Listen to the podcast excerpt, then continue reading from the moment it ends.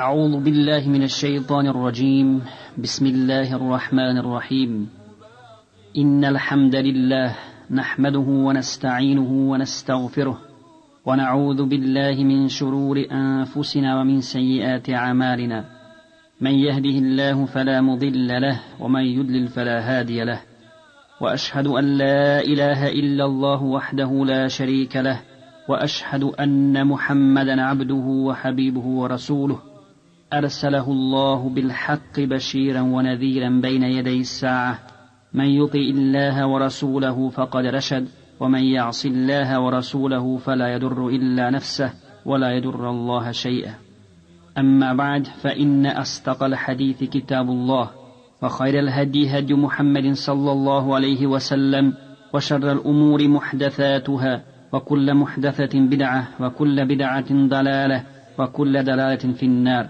ثم أما بعد قال الله سبحانه وتعالى في كتابه الكريم بعد أعوذ بالله من الشيطان الرجيم يا أيها الذين آمنوا اتقوا الله حق تقاته ولا تموتن إلا وأنتم مسلمون وقال يا أيها الذين آمنوا اتقوا الله وقولوا قولا سديدا يصلح لكم أعمالكم ويغفر لكم ذنوبكم ومن يطئ الله ورسوله فقد فاز فوزا عظيما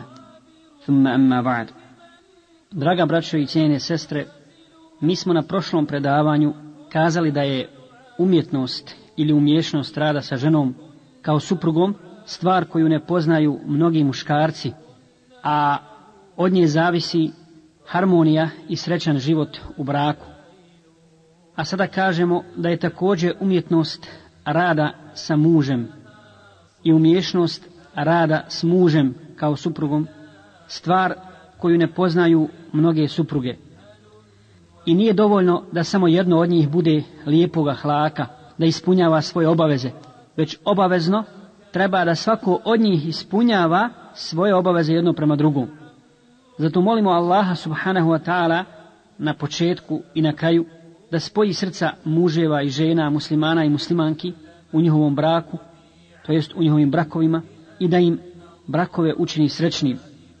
Ovo je poruka svakoj ženi muslimanki koja želi sreću u životu. I ono što ćemo danas reći nije dovoljno da se kaže samo danas na ovom predavanju i da se čuje samo sada ili da se čuje i posluša jedan put ili dva puta, već ovo treba da se stalno ponavlja i da se sluša kod bilo kakvog problema u braku i da se daje drugim muslimankama da to slušaju, jer ove stvari i ova umješnost i umjetnost braka uzeta je, zapamtite sestre, iz riznica Muhammeda sallallahu alaihi ve sellem. Prva stvar koju želimo spomenuti danas jeste jedno pitanje. Da li neko od nas sumnja da žena nije najveća fitna ili najveće iskušenje i izazov za muškarca? Ili da li ima neko da to ne zna? Poznat je hadis Rasula sallallahu alaihi sallam većini od nas kojeg prenosi Usama ibn Zaid u kome kaže naš poslanik Muhammed sallallahu alaihi wasallam nisam vam ostavio veće fitne na Dunjaluku odnosno većeg iskušenja na Dunjaluku od iskušenja žene a Allah subhanahu wa ta'ala govoreći o dunjalučkim užicima i dunjalučkim blagodatima kaže sljedeće أعوذ بالله من الشيطان الرجيم زين للناس حب الشهوات من النساء والبنين والقناطير المقنطرة من الذهب والفضة والخيل المسومة والأنعام والحرث Ljudima se čini da je lijepo sve ono za čim žude njihove duše. I spominje Allah subhanahu wa ta'ala od tih ukrasa i tih blagodati i užitaka dunjalučkih za kojima čeznu ljudske duše, žene, sinove, zlato, srebro, divne konje, i metak i tako dalje. Ali od svih ovih blagodati prvo su spomenute žene. I zaista je to dokaz da ljudska duša, odnosno muška duša, najviše polaže pažnju na ovo iskušenje, odnosno na ovu blagodat a to je blagodat žene koji je Allah Đelešanuhu podario muškarcima, kako stoji u ajetu koga smo proučili, da se u ženu smiri.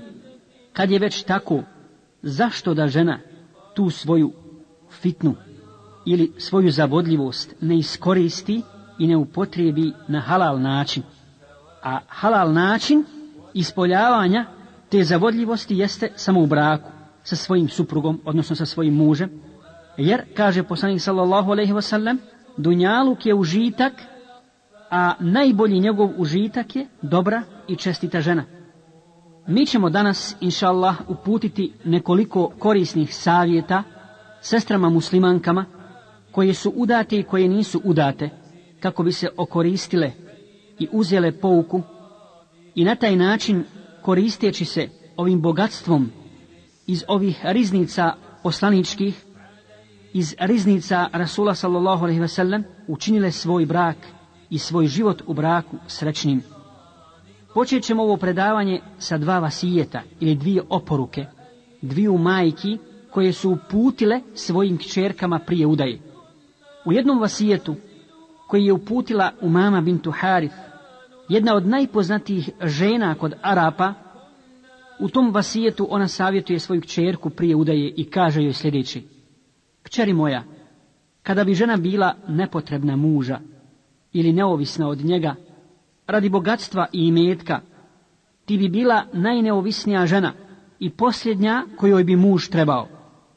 Zašto ovo kaže? Zato dakle što su bili bogati i nije joj trebao muž radi toga. Međutim, nastavlja ova mudra žena i kaže, ali mi smo stvorene za njih, kao što su oni stvoreni za nas. Čeri moja, ti napuštaš ovaj sigurni dom i život u kom si bezbrižno živjela i uživala. I odlaziš u kuću koju ne poznaješ i čovjeku koga dovoljno ne znaš. Njegovo bogatstvo od sutra postaje i tvoj posjed. Zato budi mu robinja, bit će ti rob. I zapamti od mene deset stvari koje trebaš ispuniti, da bi vam život bio srećan. Prvo i drugo, druženje sa zadovoljstvom i život u pokornosti i poslušnosti mužu, jer je u zadovoljstvu rahatluk srca, a u pokornosti mužu zadovoljstvo gospodara svjetova. Treće i četvrto, budi radost i užitak njegovom oku i cijelom njegovom biću. Neka ne vidi kod tebe osim ono što će mu povećati užitak i neka njegovo čulo mirisa ne osjeti od tebe ništa osim najljepših i najprijatnijih mirisa. Peto i šesto, pripazi dobro na spremanje hrane i spremanje i pripravljanje bračne postelje. Sedmo i osmo, čuvaj njegovu kuću i njegov imetak. Deveto i deseto, ne otkrivaj nikome vašu bračnu tajnu i ne budi mu nepokorna. Znaj da nećeš ovo postići dok ne budeš dala prednost njegovom zadovoljstvu nad svojim zadovoljstvom i njegovom prohtjevu ili njegovoj potrebi nad svojom potrebom. U drugom vasijetu jedna dobra majka koja želi da posavjetuje svoju kćerku i da je upozori na ono što brak sa sobom nosi, obraća se svojoj kćerki sljedećim riječima.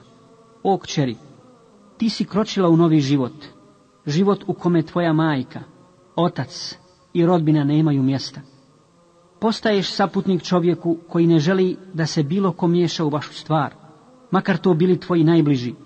Budi mu prije svega prava žena, to jest supruga, i sve što ta riječ znači, ali budi mu i kao majka, budi mu takva da on osjeti da si mu ti sve u životu.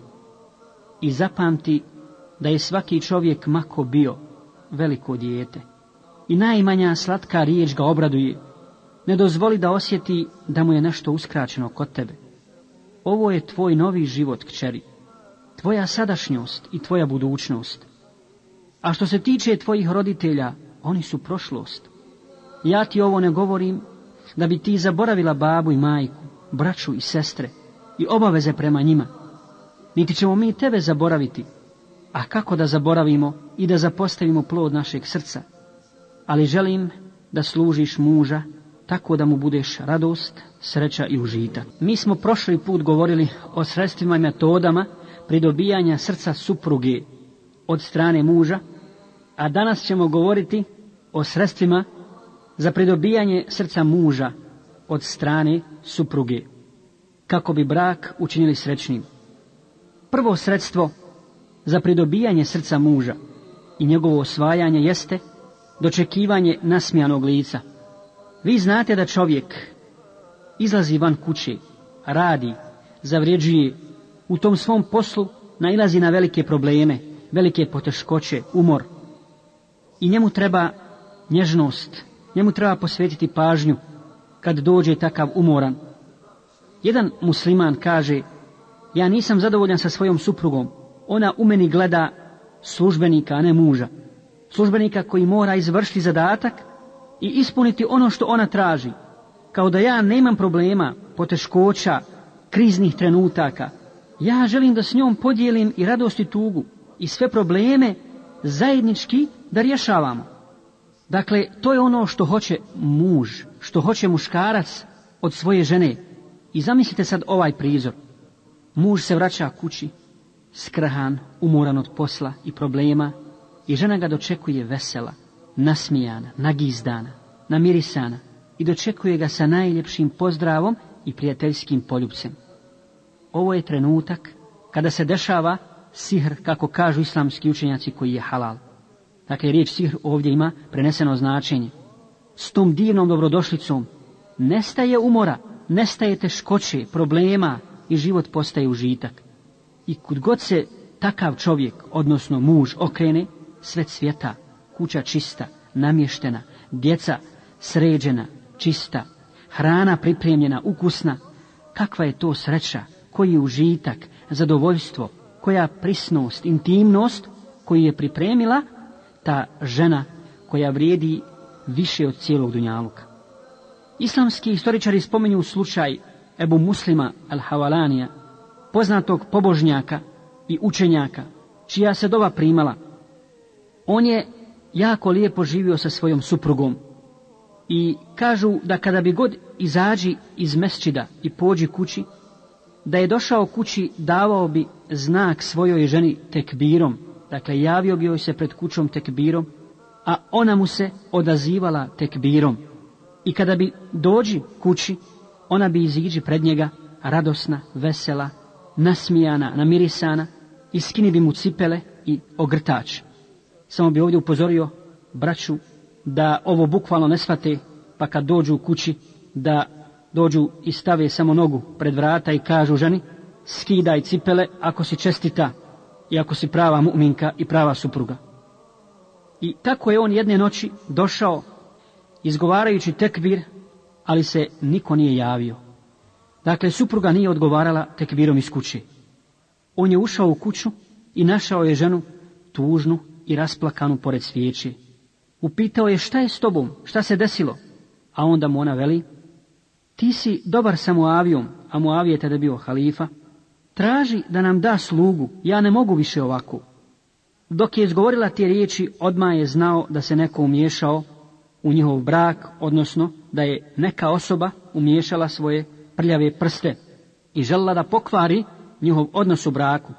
U tom trenutku Abu Muslim upućuje dovu Allahu Đalešanuhu da oslijepi onoga koji je izvršio uticaj na njegovu ženu. Nedugo zatim dolazi njihova komšinica, žena, slijepa i pita ko je ugasio svijeću i priznaje svoj grijeh, priznaje da je ona pokušala na zabranjen haram način prekinuti tu vezu i tako srećan život između Abu Muslima i njegove žene. Pametna i mudra žena zna kako će osvojiti srce svoga muža i zna kako će uvijek biti nova za njega. Zato zapamti, sestro muslimanko, ti koja si supruga, da je slatka riječ ukras, da je osmijeh ljepota, čista i lijepa haljina, lijep miris, ono što treba tebi da pridobiješ muža. A naravno prije svega toga, i badet gospodaru svjetova, koji će učiniti da budeš lijepog ahlaka, jer ti si za njega kao takva dunjalučka hurija.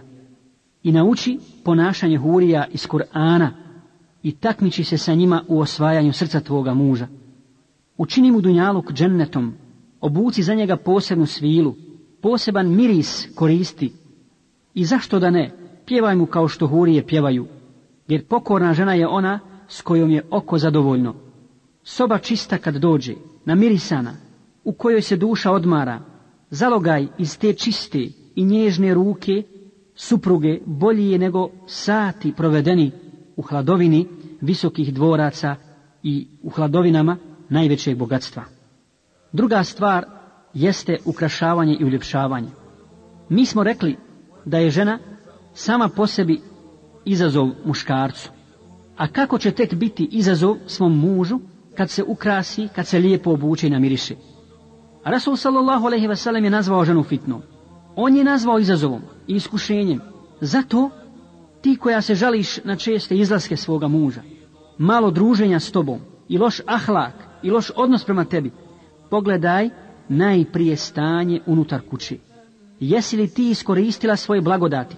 Jesi li iskoristila oružje protiv takvog ponašanja koje u svakoj situaciji pali? Ako želiš srećan brak, to oružje moraš koristiti.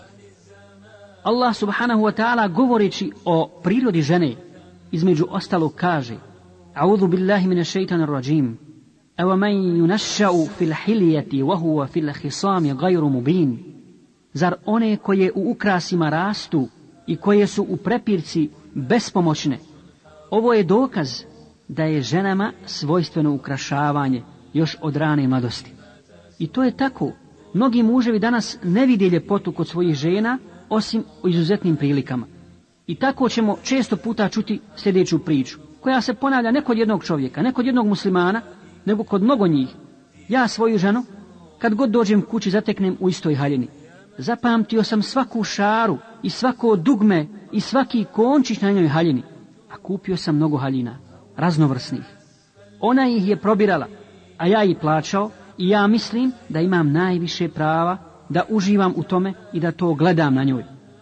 Međutim, ona ih ne oblači osim kad pođe na svadbu, kad pođe na sjelo, bajramsko ili neko drugo među žene, da bi se pohvalila i istakla pred ženama da ima lijepu haljinu. Bojte se Allaha muslimanke, kada je ovo u pitanju, posebno danas, kada smo okruženi fitnom, džahilijetom, pokvarenošću, velikim izazovima na svakom koraku na ulici ukrašene žene i nagizdane, u školi, na poslu, čak kad pođu u džamiju, žene se nagizdaju i ukrasi, a kamo li negdje drugu. I muž se vrati kući da bi odbio sve te šeitanske napade i vesvese u toku njegovog puta do kuće i zatiče ženu ponovo u istoj haljini, potpuno nepripremljenu i bez ikakvog interesovanja za njega. Zašto ne upotrijebite dozvoljeni sihr o kome uporno govorimo i zašto ne želite zbog toga da uđete u džennet? Zar ne znaš, sestro muslimanko, da tvoj muž ima najviše prava kod tebe nakon prava gospodara svjetova? Pored tog njegovog prava poznato je danas, a tako je bilo uvijek, da se najviše metka danas troši na odjeću i ukrase. Zatim, najviše po prodavnicama, pijacama i tako dalje ima ženske robe, i daleko je veći izbor ženske robe, mirisa i tako dalje, nego muške. Što govori da to žene vole i da vole da se ukrašavaju. A zatim, poznato je također da žene mnogo vremena provode pred ogledalom, ispred ogledala, kako bi namjestile frizuru, kako bi se sredile, kako bi se našminkale i tako dalje. Ovo sve je u redu i dozvoljeno je. Ali kada?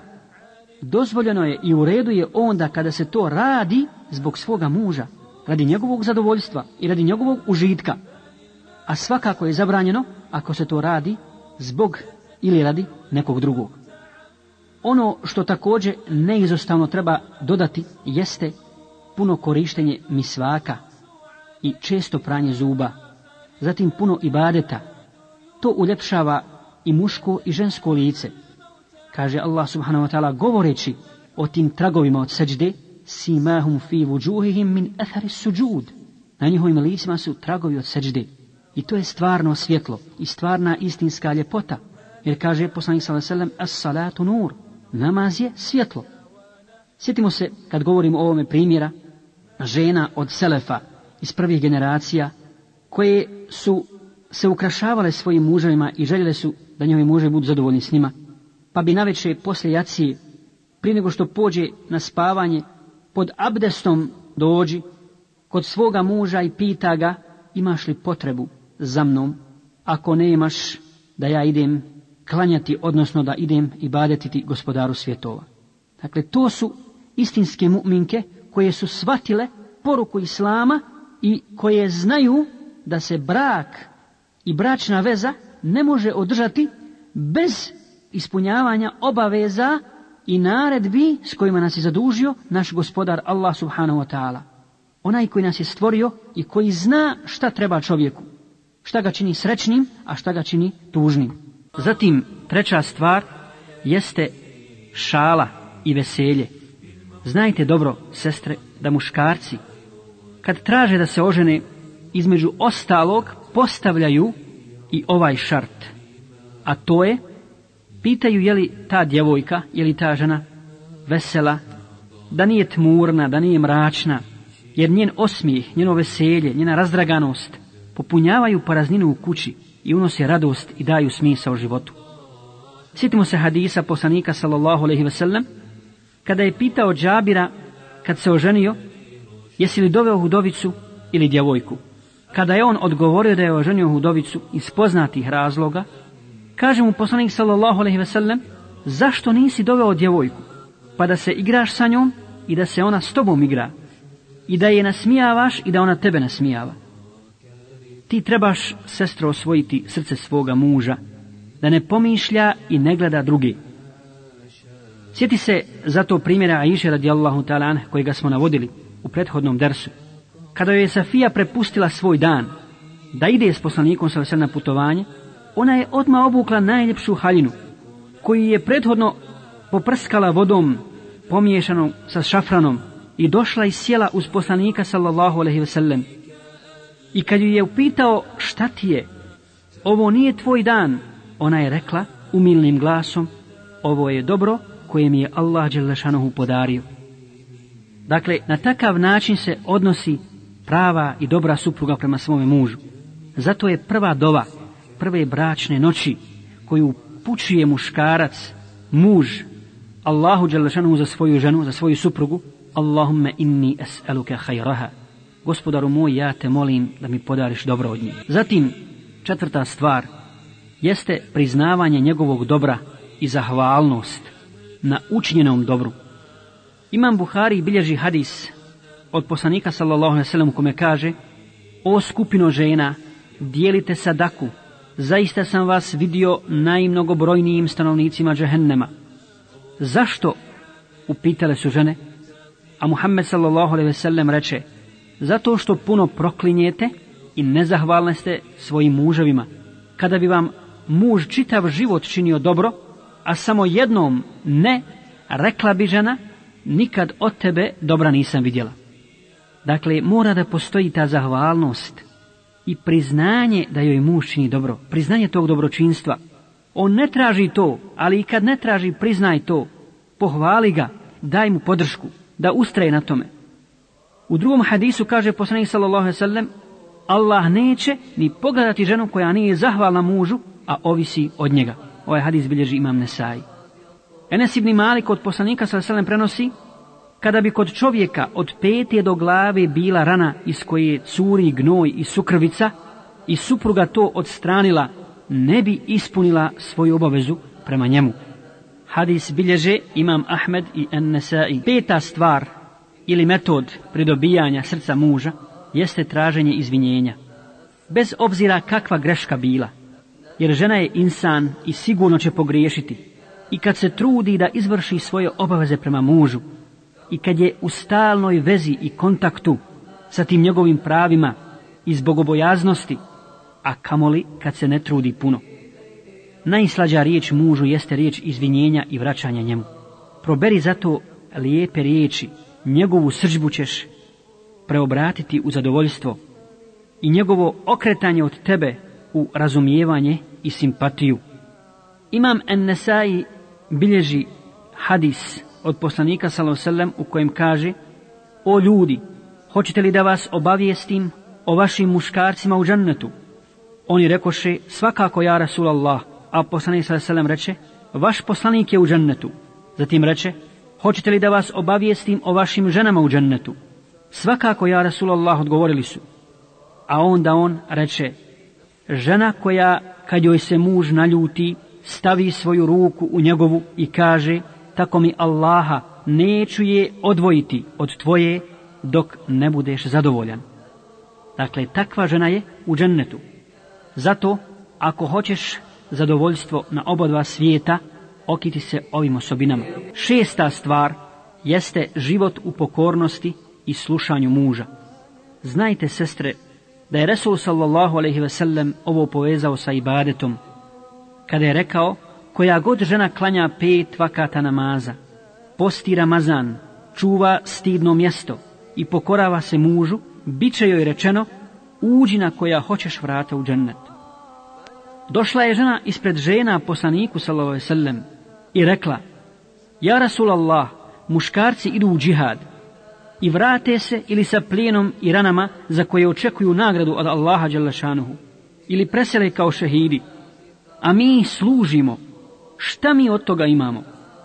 A onda Allahov poslanik reče, i ovo dobro zapamtite sestre, zapamti i prenesi ženama da ona koja se pokorava mužu i priznaje njegovo pravo ima nagradu kao i ovaj muđahid. Dakle, kao i njen muž koji ide u džihad, biva ranjen ili preseli kao šehid. I od najvećih njegovih prava jeste da mu se supruga odazove u postelju, jer je to njegovo najveće pravo, da ne bi lutao i tražio i u mislima ili stvarno u životu druge i da ne bi zbog toga upao u haram. Jedan musliman se žalio na stanje u braku na sljedeći način. Kaže, moja žena ne ispunjava pravo prema meni i umjesto da je zateknem kad dođem kući, na mirisanu ili jepu, najčešće je zateknem da spava, ako je pozove u postelju, ima hiljedu razloga i odgovora da to ne učini. Umorna sam, zadrijemala sam i tako dalje. I često puta legne u haljini u kojoj je cijeli dan mlatila po kući. Zato ja volim da dolazim kući kasno i da odlazim iz kuće rano. Zaista, sestre, ovakve supruge, ovakve žene svoje muževe dovode u težak položaj i u teško iskušenje. I znajte da je mnogo muževa počinilo haram počinilo zinaluk, na billah, sačuo nas Allah od tog grija, zbog gafleta i zbog nemara njihovih žena. I obrnuto, mnogo je žena učinilo takav grijeh i pomišljalo na takav grijeh zbog gafleta i nemara njihovih muževa prema njima. Kaže poslanik sallallahu alaihi ve kada muž pozove ženu u postelju, pa se ne odazove, prokletstvo je na nju sa nebesa sve dok se ne odazove. Ibn Abi Aufa prenosi od poslanika sallallahu alaihi da je rekao tako mi onoga u čijoj ruci moja duša. Žena neće ispuniti pravo prema Allahu dok ne ispuni i udovolji pravu muža. Dakle, mora mu se odazvati makar pripremala hranu i makar bila na leđima jahalice, kaže poslanik sallallahu alaihi I pored toga, mora se truditi da ga zadovolji i odobrovolji bez obzira na stanje i situaciju, jer žena posjeduje te blagodati i te mogućnosti. Te mogućnosti dakle da pridobije muško srce. Sjetite se sestre faraonove žene Asije. Znamo ko je bio faraon. Znamo ko je bio faraon i znamo da je sebe smatrao božanstvom i znamo da mu niko nije smio proturječiti. Kada je izdao naredbu da se muška djeca od Benu Israila, od židova poubijaju, a žene ostave na životu i kada je voda donijela dijete u korpi u kojoj je bio Musa a.s. do faraonovog dvorca i oni ga našli i donijeli ga u svoj dvorac, faraon je bio naredio da se i to dijete ubije. Međutim, njegova žena mu je predložila jednu stvar i rekla, zašto ga ne ostaviš živog, možemo ga posiniti. Možemo ga učiniti posinkom i može nam koristiti kad odraste može nam biti radost. Faraon je prihvatio ovo. Faraon koji nije slušao nikoga, ničiji savjet, osim svoga mišljenja i svoje ideje, isprovodio je u praksu. I kome niko nije smio predložiti takvu stvar, sluša svoju ženu koja mu predlaže da ostavi Musa se nama u životu. Dakle, vidite koliki je uticaj žena na muškarca. Samo taj utjecaj treba da bude pozitivan, u pozitivnom smislu kao što je bio i ovaj sa faraonovom ženom. I poznato je da se većina muškaraca brzo naljuti, ali se također brzo odljuti, posebno kad je u pitanju žena, kad je u pitanju supruga. Pa gdje si ti kao supruga sa svojim halal i dozvoljenim sihrom da pridobiješ i raspoložiš svoga muža. Zatim sedma stvar i sedmo sredstvo ili metod u pridobijanju srca svoga muža jeste hizmet i služenje mužu. To je ono sa čime se žene približavaju Allahu subhanahu wa ta'ala prije svega. Jer je njen muž, njen džennet ili džehennem, kako je rekao Rasul sallallahu alaihi wa sallam.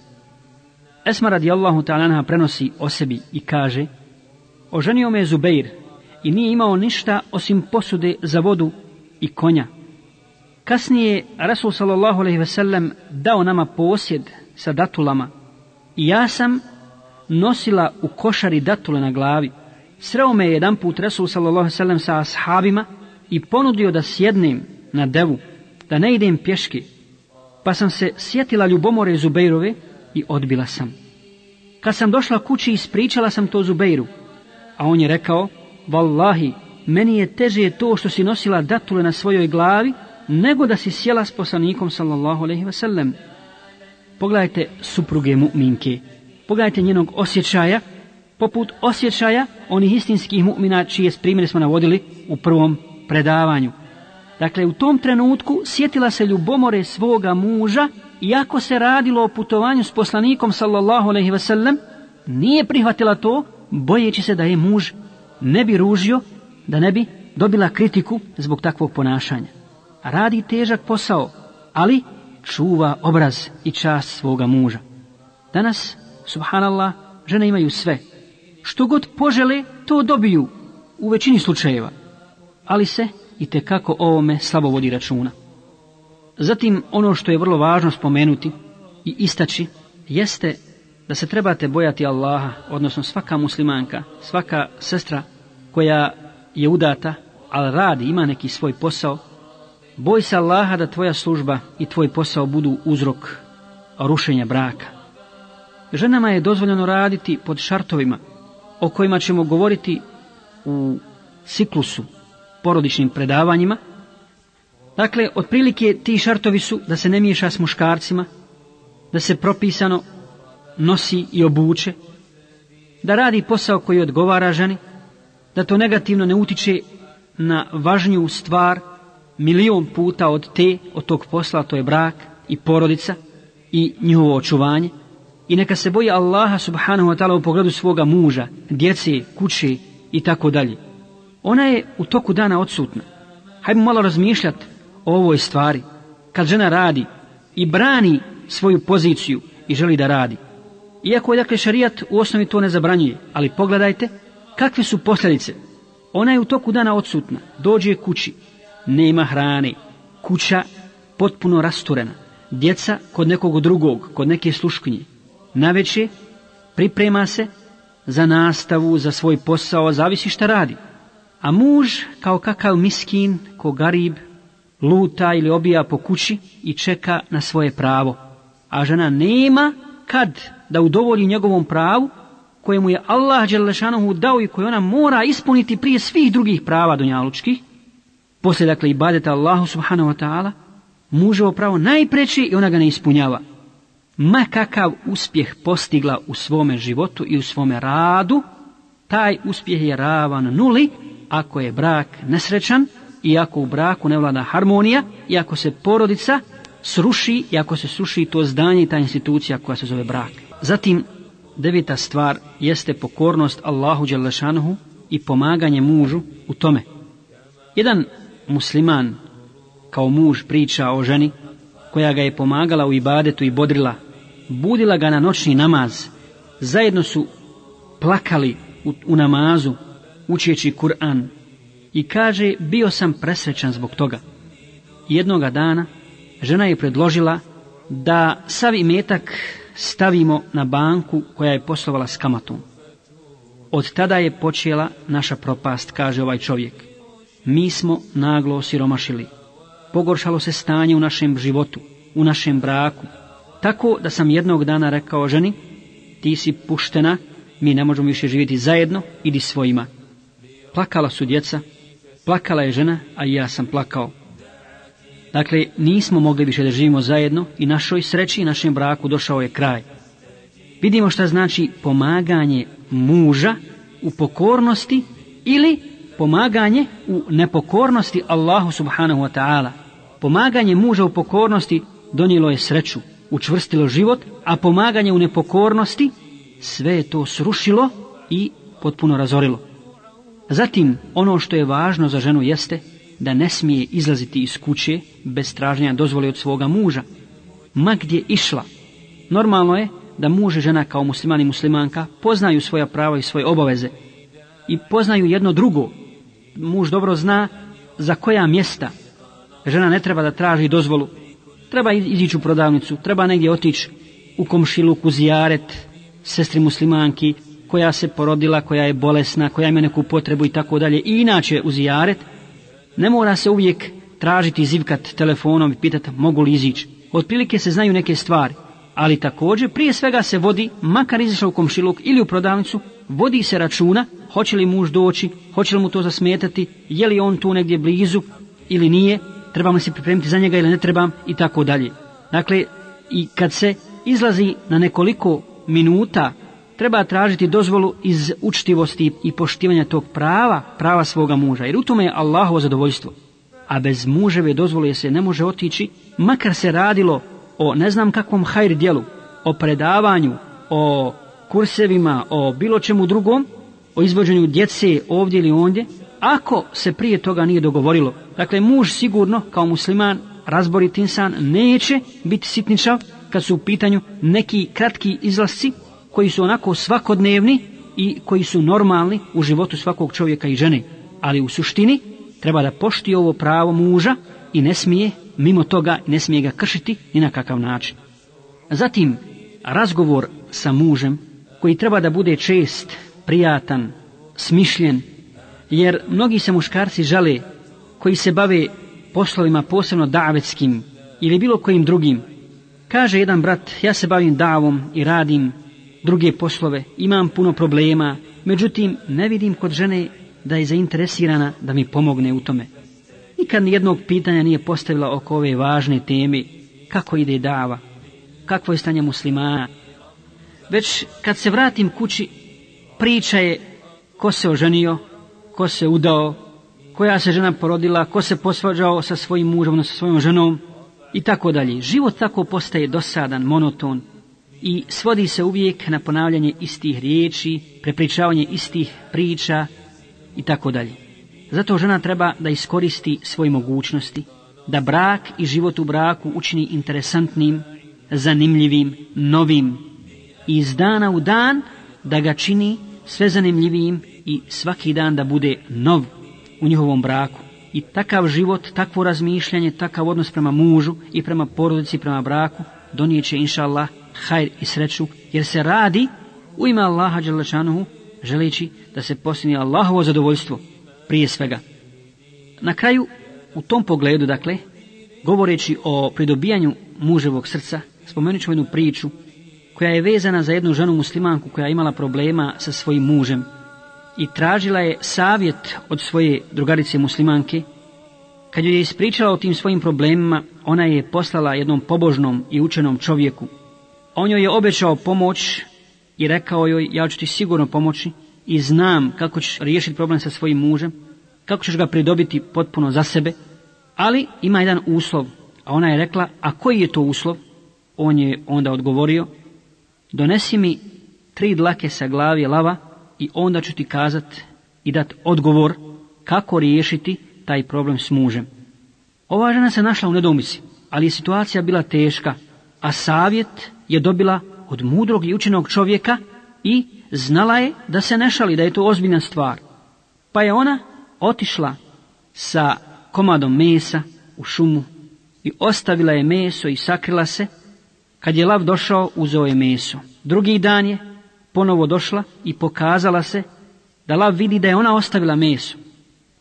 Kasnije, treći put je došla, donijela meso i dala ga lavu ona lično i dok je on jeo meso ona je iščupala tri dlake iz njegove glavi. Kad je došla kući, bila je radosna i presrećna, otišla ovom učenjaku i rekla mu da je donijela tri dlake iz glavi lava i ispričala mu na koji način je to uradila ovaj učenjak koji kaže, subhanallah, kad si ti uspjela ukrotiti lava, pa lakše ćeš ukrotiti svoga muža, samo upotrijebi tu svoju sposobnost i budi strpljiva i sigurno ćeš uspjeti. Dakle, u tome leži sva problematika.